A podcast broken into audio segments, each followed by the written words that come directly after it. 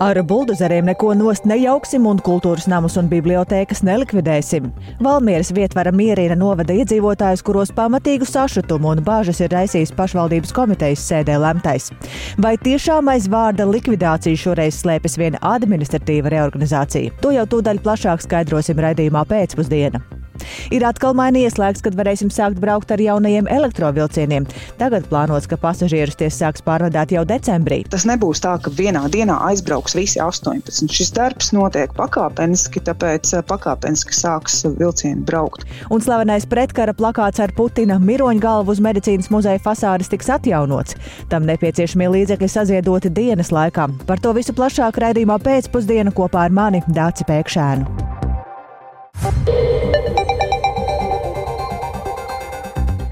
Pūkstens ir 16,5 minūtes, skan pēcpusdienas ziņu programma, skaidrojot šodienas svarīgus notikumus. Studijā Dāca Pēkšēna, esiet sveicināti! Un radījumu sākam ar to, cik pamatots ir Valmieras novada iedzīvotājs satraukums par to, ka dažādos šī novada pagastos ir paredzēta kopumā desmit kultūras iestāžu likvidācija. Par to ir lemts pašvaldības, izglītības, kultūras un sporta komitejām. Vietējie iedzīvotāji ir nobažījušies un ir neizpratnē, bet novada kultūras pārvaldē mierina. Vairumā gadījumu ir paredzēta vienīgi bibliotēka un kultūras namu juridiska un administratīva reorganizācija. Kultūras notikumu pagastu iedzīvotājiem tikšot rīkot arī turpmāk un arī bez grāmatām nebūšot jāpaliek, bet plašāk par to Zanes Eniņas ierakstā. Lēmums likvidēt desmit kultūras iestādes Valmieras novada pagastos izraisīs sašutuma vētru sociālās tīklošanās vietnēs. Ierakstu ar visu likvidējumu iestāžu sarakstu Facebookā bija publicējusi rūjieniete Agrita Gruzdiņa. Viņa neslēpja bažas arī telefānu sarunā. Laukos jau tā slēdzot vienu iestādi pēc otras, tāpēc ziņa par bibliotēku un kultūras centru likvidāciju šķitusi satriecoša cilvēks, kurš ir pieredzējis tuvākajā apkaimē četru skolu likvidēšanu, visu apkārtējo pasta nodaļu, lauku pasta nodaļu likvidēšanu, Rūjens autors telpas slēgšanu, ne paša maršruta. No Rūjens ir aizgājuši banku filiāls, mums bija pat trīs. Visi samazināti, un šis vārds likvidācija izskan kā tāds, nu, nu, bais signāls īstenībā. Vēlāk gan domas pārstāvji Agritai Grusdiņai atsūtījuši skaidrojumus, ka notikusi iespējams neveikla formulējuma izvēle, jo likvidācija nesot paredzēta, bet gan reorganizācija. Tomēr Skaņkalnes un Ķoņu pagastos bibliotēku vairs nebūs. Darbinieki tiks pārcelti attiecīgi uz Masalacas un Augšēnu bibliotēkām, jo tās atrodas vien pāris kilometru attālumā, bet grāmatas izdalīs citām krātuvēm. Skaņkalnes pagasta bibliotēkas vadītājai un vienīgajai darbiniecei Ievai Baliņai gaidāmās pārmaiņas nav bijis nekāds pārsteigums. Jā, es to zināju. Tā nav tā kā pēkšņi vakar es to uzzināju. Es to zināju jau rudenī un tās vēsmas jau tomēr virmoja. Nu, ziniet, situācija grūti droši vien cilvēkam, kas nav uz vietas, ir grūti saprast, jo principā, nu, skaņkalni tieši masalats pievārtē vienā pusē salacā ir masalats, otrā skaņkalni. Ja, nu, reāli es eh, masalats bibliotēku gandrīz var teikt redzu no savu pagalmu. Runājot par kultūras centriem un namiem un tautas namiem, tajos kultūras notikumi tikšot rīkoti tāpat kā līdz šim. Arī darbinieki saglabās darba vietas, skaidroja Valmieras novada kultūras pārvaldes vadītāja vietniece kultūra politikas jautājumos Liena Jakobsone. Tās izmaiņas ir administratīvas, tātad ēkās nedarbosies konkrētā pašvaldības kultūras iestāde, bet būtiski, ka visi kultūras darbinieki darbosies citās kultūras struktūra vienībās un turpinās veidot kultūras pakalpojumu iedzīvotājiem. Šādas administratīvas izmaiņas skars kultūras namus centrus un tautas namus Jērcēnos, Brenguļos, Ramatā, Sēļos, Vecetē un Zilā kalnā. Divi kultūras nami tomēr tiks slēgti. Turpina Liena Jākopsone. Divas ēkas tiks atsevinātas, viena no tām vienkārši nav izmantojama, otra ir jā, atsevināta. Valmieras pagastu kultūras centrs, kā arī ķoņu tautas nams. Valmieras novada pašvaldībā precizēja, ka ķoņu tautas nams vairs nav izmantojams, jo ēkā iemeties brants. Valmieras pagasta kultūras nams kļuvis tukšs pēc reģionālās reformas. Proti, iepriekš šajā ēkā atradusies Burtnieku administrācija, kas pat labam pārcēlusies uz Burtnieku novada apvienības telpām.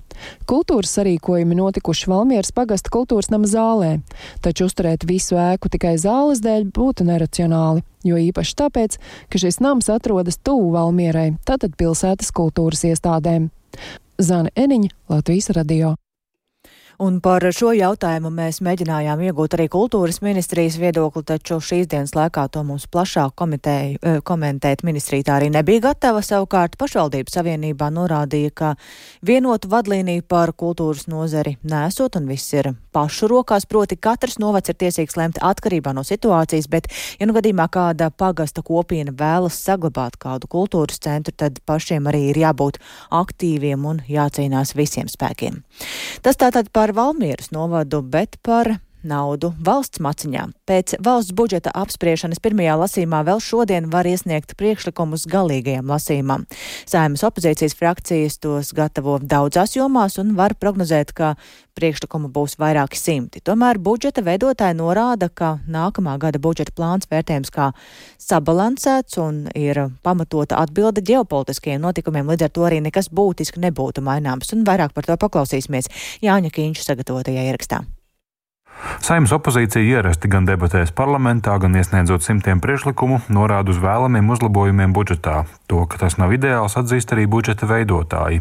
Nacionāla apvienība rosinās gan saglabāt 5% pievienotās vērtības nodokļa likmi svaigiem augļiem un dārzeņiem, gan ēdināšanas nozarei 12% PVN likmi. Piedāvās arī palielināt bērnu kopšanas pabalstus. Lai sektu dažādas papildu vajadzības, Nacionāla apvienība turpināšot diskusiju par banku virspēļņas nodokļu ieviešanu pēc Lietuvas piemēra piemēru, kas ļautu iekasēt vairāk. Neplānojot pārspēt priekšlikumu skaita rekordus, idejas atalgojuma krasākai palielināšanai iekšlietu jomā, drošības, reģionālās politikas, tautsemniecības un transporta jomās gatavo arī apvienotā saraksta frakcija.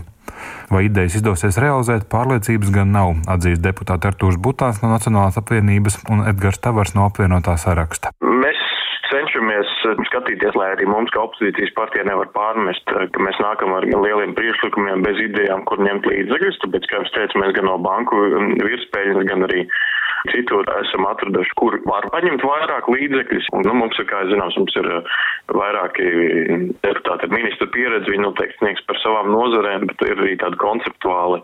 Protams, uzņēmējdarbības konkrēti spējumi par demogrāfiju tie būs tādi Nacionālas apvienības frakcijas priekšlikumi. Mēs neliekam milzīgas cerības uz kādu priekšlikumu apstiprināšanu. Un, un tie priekšlikumi, kur būs izgājuši cauri, bet viņi nebūs acīm redzami beigās kā apvienotā saraksts, kā opozīcijas priekšlikumi. Nu, tas ir tāds nedaudz alternatīvs skatiens uz to, ko piedāvā pati valdība. Budžeta veidotāji jau iepriekš norādījuši, ka galvenajām prioritātēm rasti papildu 780 miljonu eiro. Vēl vairāk līdzekļu tēriņiem nav iespējami, jo Finanšu ministrija atturējās augstas inflācijas apstākļos palielināt pievienotās vērtības nodokli un citus tā saucamos lielos nodokļus. Savukārt kontekstā ar Nacionālās apvienības rosinājumu no banku peļņas budžetā iekasēt vairāk līdzekļu, Finanšu ministrs Arvils Ašerādens izteicās šādi. Vēl apgrūtināt ekonomiku ar nodokļiem šī brīdī, ceļš, ka bija inflācija, jebkur nodokļu celšana ļauj uzreiz paceļ inflāciju. Bankām Latvijas valdība ir uzlikusi 20% nodokļu, peļņas nodokli. Caurmēr Eiropā ir nodoklis 15%. Ja, tas ir pamatīgs nodoklis. Mēs izņemam no banka peļņas ārā 14%. Vēl uh, parlaments vēl vēlās izņemt ārā, lai atbalstītu hipotekāro kredītņēmējus 90 miljonus. Tiešām mums arī laikam vajadzētu, lai kāds te finansē ja, kaut ko. Nu, cik agresīvi jūs vēlaties vēl iet, ja tad uz priekšu? Vairākus gadus darbojoties opozīcijā, Zaļo un Zemnieku savienības frakcija iepriekš visaktīvāk sniedz dažādus priekšlikumus budžeta papildināšanai. Pašlaik valdošās koalīcijas sastāvā redzējums par budžetu ir kopīgs, norāda ZZS frakcijas vadītājs Harijs Rokpelnis. Tas uh, dialogs uh, varbūt uh, neveidojās tāds, un tad nebija citu variantu, kā mēģināt iet uh, pašiem par sevi, bet uh, šobrīd, uh, kā jau saku, tas. Uh, komandas gars ir jūtams un labs, un tas, ko mēs darām, plānojam darīt, tas notiek uh, sadarbībā ar mūsu partneriem. Iesniegtos priekšlikumus apkopos un pēc valsts svētkiem izskatīs Saimas budžeta komisija. Savu vērtējumu par tiem sniegs arī valdība. Galīgajā lasījumā Saimas plenāra sēdēs par valsts budžetu lems no 7. decembra, solot to nedarīt vēlos vakaros un naktīs. Jānis Kincis, Latvijas radio. Tātad šos priekšlikumus galīgajam lasījumam varēja šodien līdz četriem iesniegt, bet tas galīgais kopējais skaits pagaidām vēl nav apkopots. Tikmēr atkal ir mainījies laiks, kad sāks braukt pirmie jaunie elektrovilcieni, un tagad ir plānots, ka jauno Škoda elektrovilcienu brauciens ar pasažieriem notiks decembrī. Precīzi datums gan vēl nesot zināms, un ar šādu paziņojumu šodien vietnē X ir nācis klajā satiksmes ministrs Kaspars Briškens no progresīvajiem, un tas ir saistīts ar to, ka šodien ir saņemta nepieciešamā atļauja no valsts dzelzceļa tehniskās inspekcijas. Un tāpēc arī es pirms īsa brīža sazvinājos ar um, pasažieru vilcienu pārstāvi Sigitu Zviedri, kuram vēl nevarēja precīzi pateikt, cik un vai visi 18 vilcieni, kas šobrīd ir Latvijā decembrī arī sāks kursēt, bet kas šobrīd ar tiem notiek, to gan paklausīsimies um, turpinājumā. Tie, kurus atvaļā vēl pavisam nesen, tiem vēl tiek veikti iestatīšanas darbi. Notiek dažādi arī šie izmēģinājumi un vēl iestatījumu braucieni dažādās dzelzceļa līnijās. Ir braucieni Tukuma līnijā, Jelgavas līnijā, brauc arī aizkrauklas līnijā. Un, attiecīgi, tiešām tiek pārbaudīts, kā strādā visas vilcieniem nepieciešamās sistēmas. Respektīvi, tāds pārbaudas process šajā brīdī. Jā, iestatījumu un pārbaudas process un būtībā tiek veikti visi nepieciešamie darbi, lai tad attiecīgi pēc šodienas saņemtā valsts dzelzceļa tehniskās inspekcijas lēmumu par vilcienu tipu apstiprināšanu, laišanu tirgu, saņemšanas pasažieru vilciens iespējami raitāk varētu pārņemt vilcienus no Škoda vagonka savā īpašumā. Jā, tātad šajā brīdī ir mums 18, pirmais brauciens varētu būt decembrī, tad visi šie 18 principā decembrī arī varētu tikt palaisti? Pagaidām visi vilcieni vēl ir Škoda vagonka īpašumā. Pēc šīs valsts dzelzceļa tehniskās inspekcijas atļaujas saņemšanas Škoda vagonka varēs sākt vilcienus nodot pasažieru vilcienam. Tad, kad pasažieru vilciens būs pieņēmis šos vilcienus, attiecīgi kā īpašnieks uzņēmums varēs vērsties valsts dzelzceļa administrācijā, lai tad mēs attiecīgi varētu reģistrēt tos izmantošanai Latvijas dzelzceļa infrastruktūrā un sākt gatavoties to eksploatācijas uzsākšanai. Tas nebūs tā, ka vienā dienā aizbrauks visi 18. Šis darbs notiek pakāpeniski, tāpēc pakāpeniski sāks vilcieni braukt. Lai varētu pārņemt, cik garš tas process ir? Tā ir nedēļa, mēnesis. Nu... Skaidrs, ka tas nav mēnesis, tāpēc, ka ir paredzēts jau decembra vidū, tomēr, ka pirmie vilcieni sāks braukt un pārdāt pasažierus.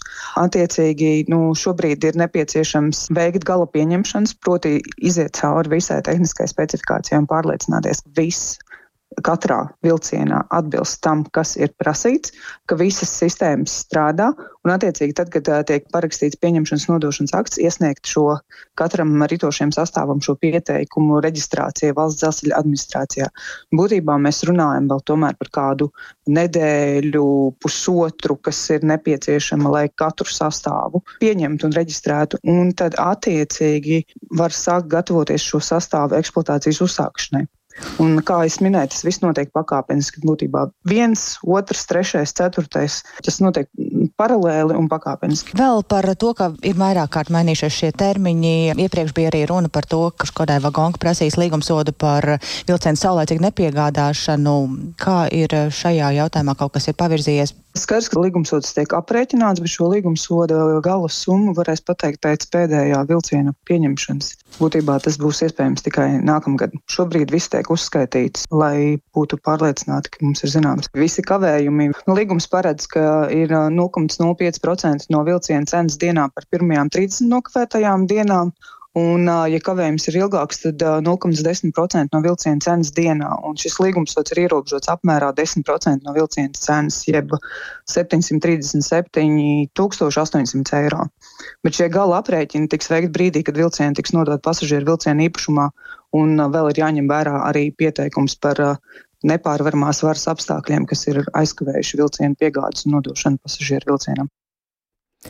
Tā pasažieru vilcienu pārstāve Sigita Zviedre, tātad pasažieru pārvadājums ar jaunajiem vilcieniem ir paredzēts sākt decembrī, tā šodien ir paziņojis satiksmes ministrs, bet ar vai bez jaunajiem vilcieniem taču Inčups iedzīvotāji atkal, atkal ceļ trauksmi par dzelzceļa pieturas likteni. Lai gan oktobra beigās sabiedriskā transporta padome nolēma saglabāt Inčups un vēl piecas citas pieturas, kurās līdz nākamā gada vidum novēros pasažieru plūsmu, Inčups iedzīvotāji ir neizpratnē, kāpēc valsts netaisās pieturu pārcelt uz ērtāku vietu pretim Baltajai kāpai. Pieturu pārvietot iedzīvotāji lūdz jau pāris mēnešus, taču atbildīgie par to nesteidzas runāt un vairāk par to Viktor. Viktora Demīdova ierakstā.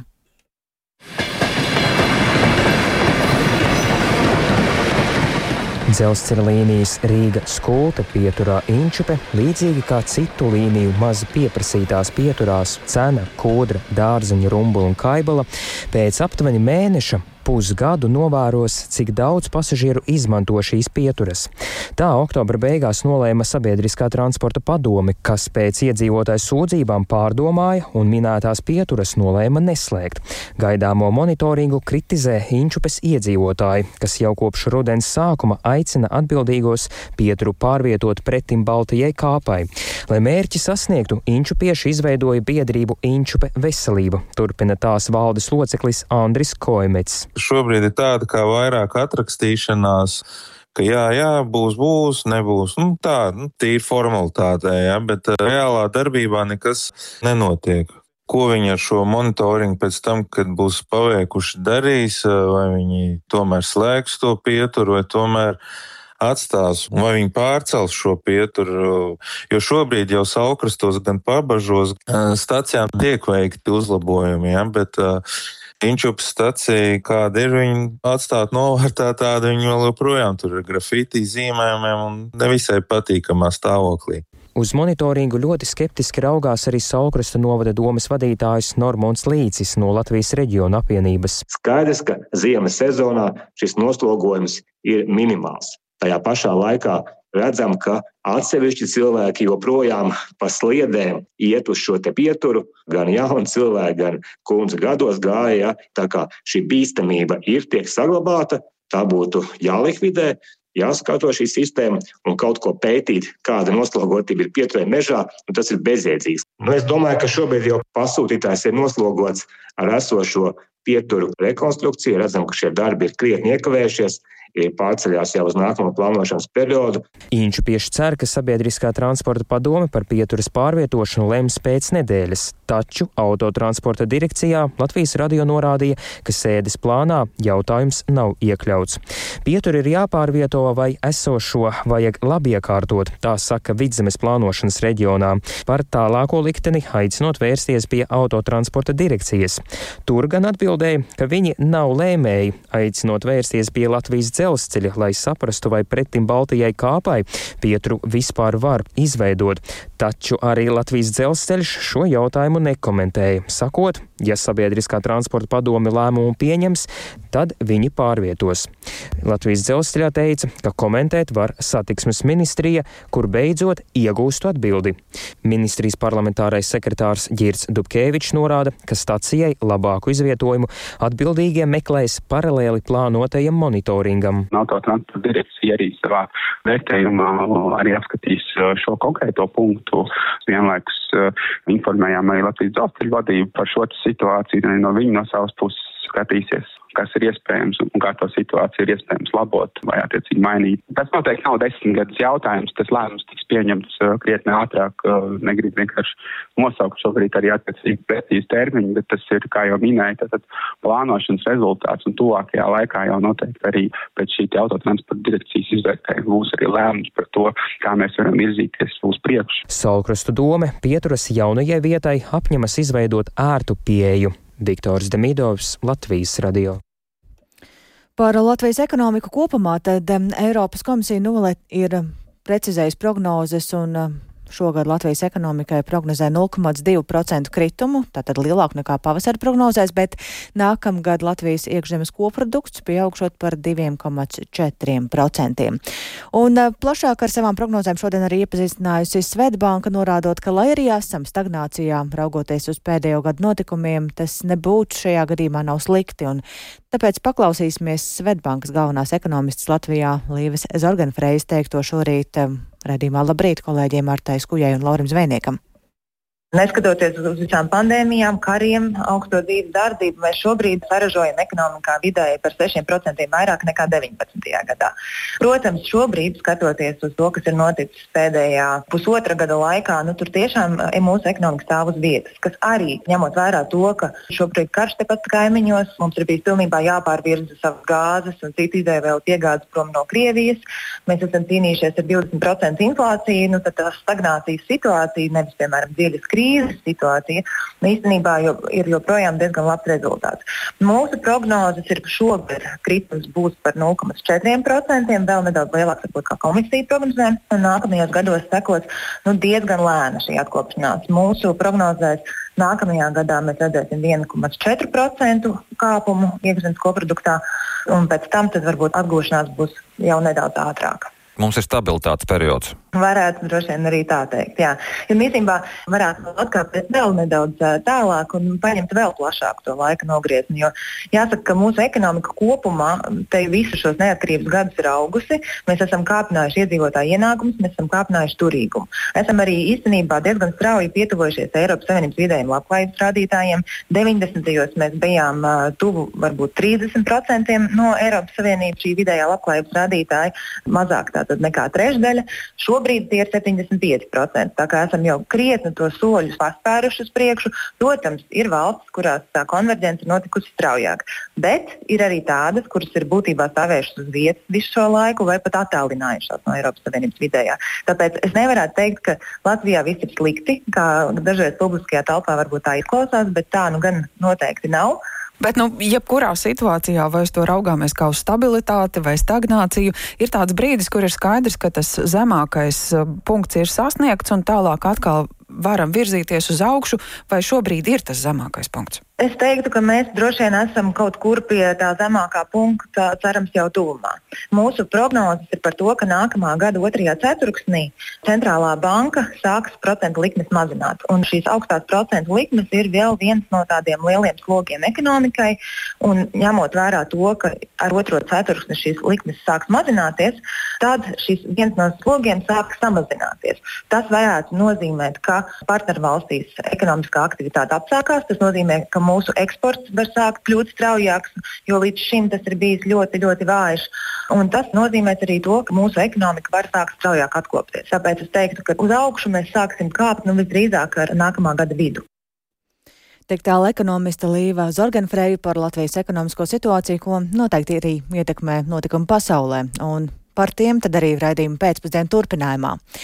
Izraels bruņotie spēki ir panākuši būtisku progresu un ir tuvu tam, lai sasniegtu mērķi un demontētu grupējumu Hamas militāro sistēmu Gāzes joslas ziemeļos. Tā šodien ir paziņojis Izraels armijas ģenerālštāba priekšnieks Hercī Halevi. Turpinoties Izraels armijas operācijām Gāzes joslas ziemeļos, Izraels premjeras Benjamins Netanjahu ir atzinis, ka Izraels spēkiem nav izdevies samazināt civiliedzīvotāju upurus, taču viņš tajā vainojas palestīniešu terorista grupējumu Hamas. Un šobrīd mēs esam sazinājušies ar kolēģi Rihārdu Plūmi, lai uzzinātu plašāk par notiekošo Gazā.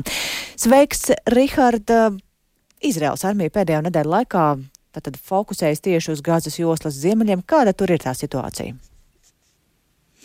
Jā, labdien! Nu, tevis pieminētais eh, Izraels armijas eh, ģenerālštāba priekšnieks Hercīha Levī šodien eh, skaidroja, ka Izraels armija sekmīgi īsteno operācijas Gazas joslā un armija turpinās operācijas arī vēl citos apvidos, ne tikai ziemeļos, kur šobrīd ir šis fokus, un viņš uzsver, ka armija sistemātiski arī turpinās likvidēt komandierus un likvidēt kaujiniekus, kā arī Eh, iznīcināt infrastruktūru.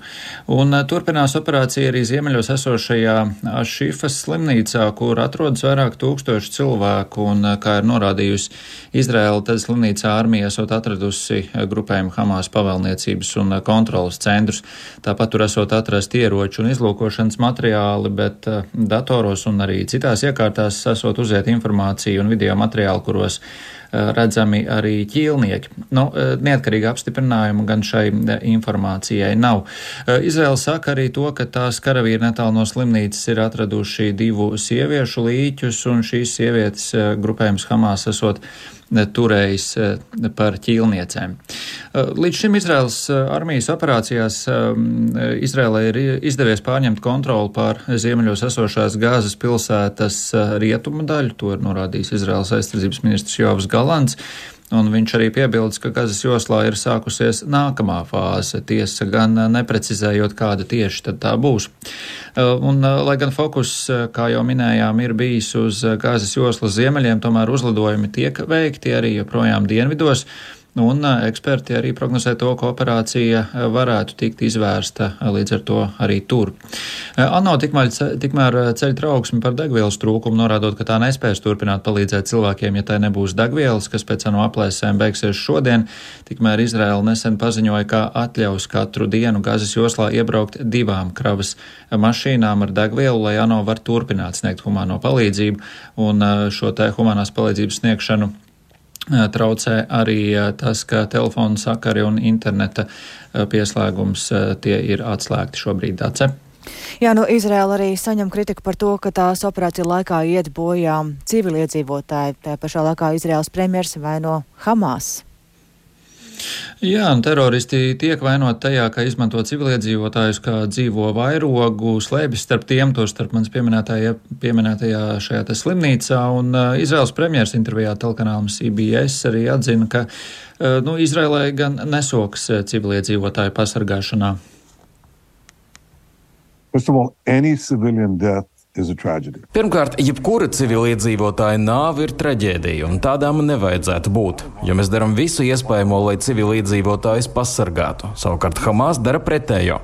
Otra lieta, ko varu teikt, ir tā, ka mēs centīsimies pabeigt šo darbu ar minimāliem civiliedzīvotāju upuriem. Tas ir tas, ko mēs cenšamies darīt - minimāli civiliedzīvotāju upuri, bet mums diemžēl neveicas. Minimal civilian casualties, but unfortunately, we're not successful. Nu, viena no valstīm, kas izvērš kritiku pret Izraēlu, ir Turcija, un tās prezidents Reģips Teips Erdogans ir devies vizītē uz Vāciju, kamēr kanclers Olafs Šolts Izrēlā apliecināja atbalstu izrēliešiem, tikmēr Erdogans apsūdza Izraēlu kara noziegumu pastrādāšanā, un arī šīs atšķirīgās nostājas dēļ Vācijā tiek uzdot jautājumu par to, vai Erdogana vizītei tiešām bija jānotiek tieši šobrīd, un opozīcijā esošie konservatīvie un arī pat kanclera Šolts koalīcijas partneri Brīvo demokrātu partija ir mudinājuši kancleru atsaukt savu uzaicinājumu Erdoganam, tomēr tas nav noticis. Dace. Paldies Rihardam Plūmēm. Tas tātad par notikumiem vienā karstajā punktā pasaulē. Savukārt notikumi citā karstajā punktā, proti Krievijas izraisītājs karš Ukrainā ir tas, kas savu attieksmi liek paust visdažādākajos veidos, un tāpēc, tāpēc arī par vienu no populārākiem plakātiem Rīgā var dēvēt Krievijas prezidenta Vladimira Putina stilizēto miroņgalvu pie Paulus Tradiņa medicīnas vēstures muzeja ēkas sienas, un tas atrodas tieši pretī Krievijas vēstniecībai. Rudens vēja brāzmastas tika paplosīts un muzejs tā atjaunošanai nepieciešamos 5500 eiro aicināja saziedot. Aktivitāte bija tik liela, ka naudu savāc nepilnas dienas laikā un redzīmā pusdiena šodien es par to izvaicāju medicīnas muzeja pārstāvi Ilzi Sirmo. Šī nav pirmā reize, kad to nākas atjaunot patiesi. Šī ir, ja nemaldos, vismaz uh, trešā reize, jo plakātu uzlikšana bija tāda ārkārtas reakcija uz to, kas notika. Un, uh, ja godīgi, mums pašā sākumā nebija arī plāns, ka tas būs tik ilgi uh, jātur uz muzeja fasādes.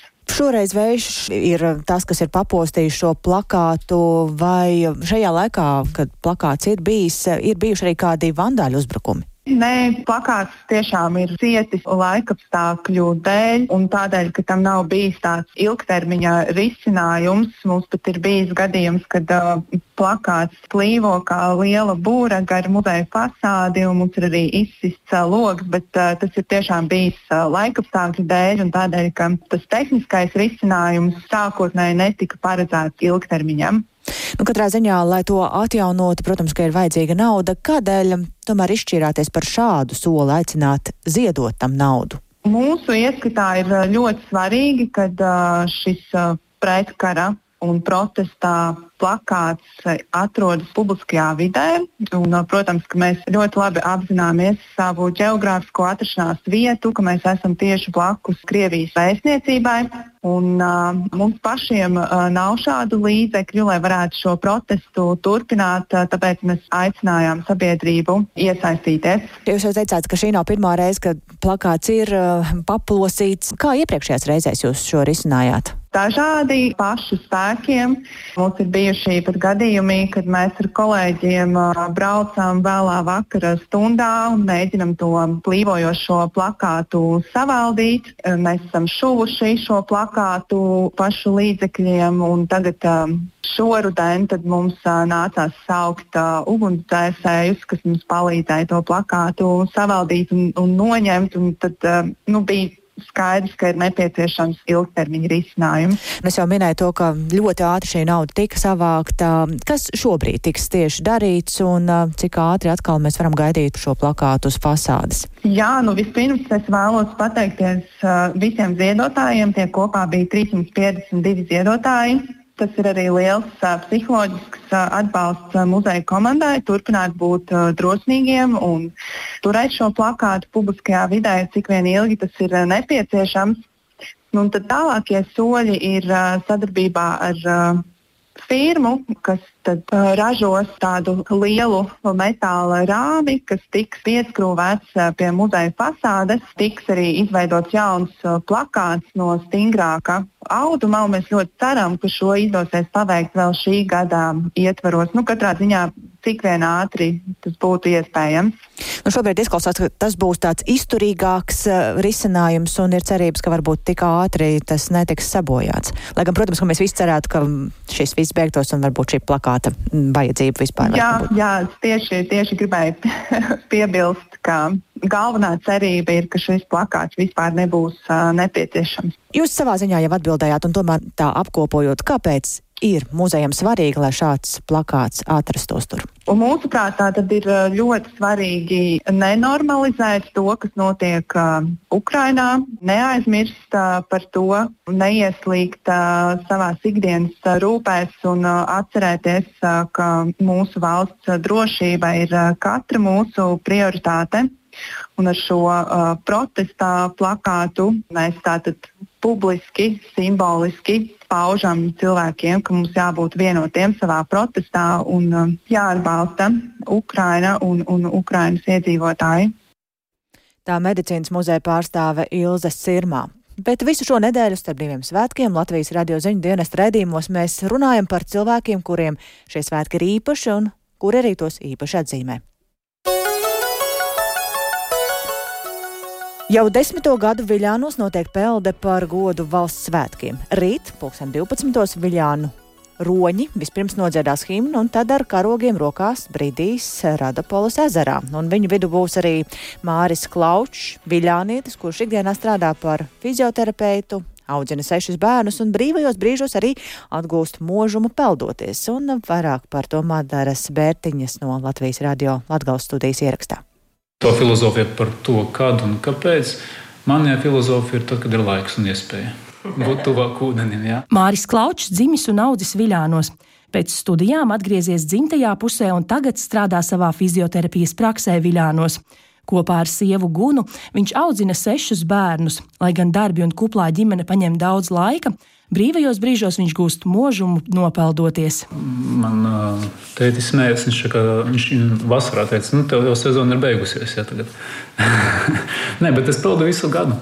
Vasarā, pavasarī, rudenī. Man tā sezona nesākas, ne beidzas, viņa vienkārši ir. Man nav tā. Kaž tas, ka vasarā tu peldi varbūt tur garas distances, bet nu, ziemā tu, kamēr nav ledus, var nopeldēt tur varbūt 10 metrus, 20, cik jau ir roēlēšanās, bet ziemā āliņķi tad vienkārši tur sēdi, izbaudi. Viļānieši esot bijuši pirmie, kas pirms desmit gadiem aizsākuši peldes par godu valsts svētkiem. Tolaik ziemas peldes vēl nesot bijušas tik populāras. Šeit ir tas princips, ka ir kopības sajūta un barā izdarīt visu vienmēr vieglāk, un te visdrīzāk riska faktori ir ļoti mazi. Jā, jo nav noteikts laiks, cik jāsēž. Nav jāsēž ūdenī 18 minūtes vai 105 minūtes. Tur iet un iziet. Pašā pirmajā peldienā manā otrā vecākā meita bradāja pa ūdens maliņu turpat upē. Mhm. Šobrīd vedīsiet līdzi kādu? Ja gribēs. Pieļauju, ka jā, kad uh, vismaz aizbraukt, paskatīties no malas noteikti. Jo ziemas visos peldējumos tam tur uh, vismaz daži no bērniem brauc līdzi skatīties un padzert tēju un tā. Mm -hmm. Pa sniedziņu paskraidīt, kamēr citi peldās. Cilvēku šīm kopīgajām augstajām peldēm tiekot aicināti, taču Māris uzskata, ka katram pašam ir jāsajūt, vai tas viņam der. Ja cilvēkam nav tās sajūtas, tad tas būs varbūt viņš varbūt piekritīs, jo viņš negrib atteikt. Bet viņš to neturpinās, jo viņam būs tas pārāk liels pārdzīvojums. Ja nav tā iekšējā gribēšana un vajadzība. Ja? Māris Klaučs Viļānos organizē arī augstuma peldes ziemas mēnešos, lai mācītu norūdīties un uzturēt mūžu garu.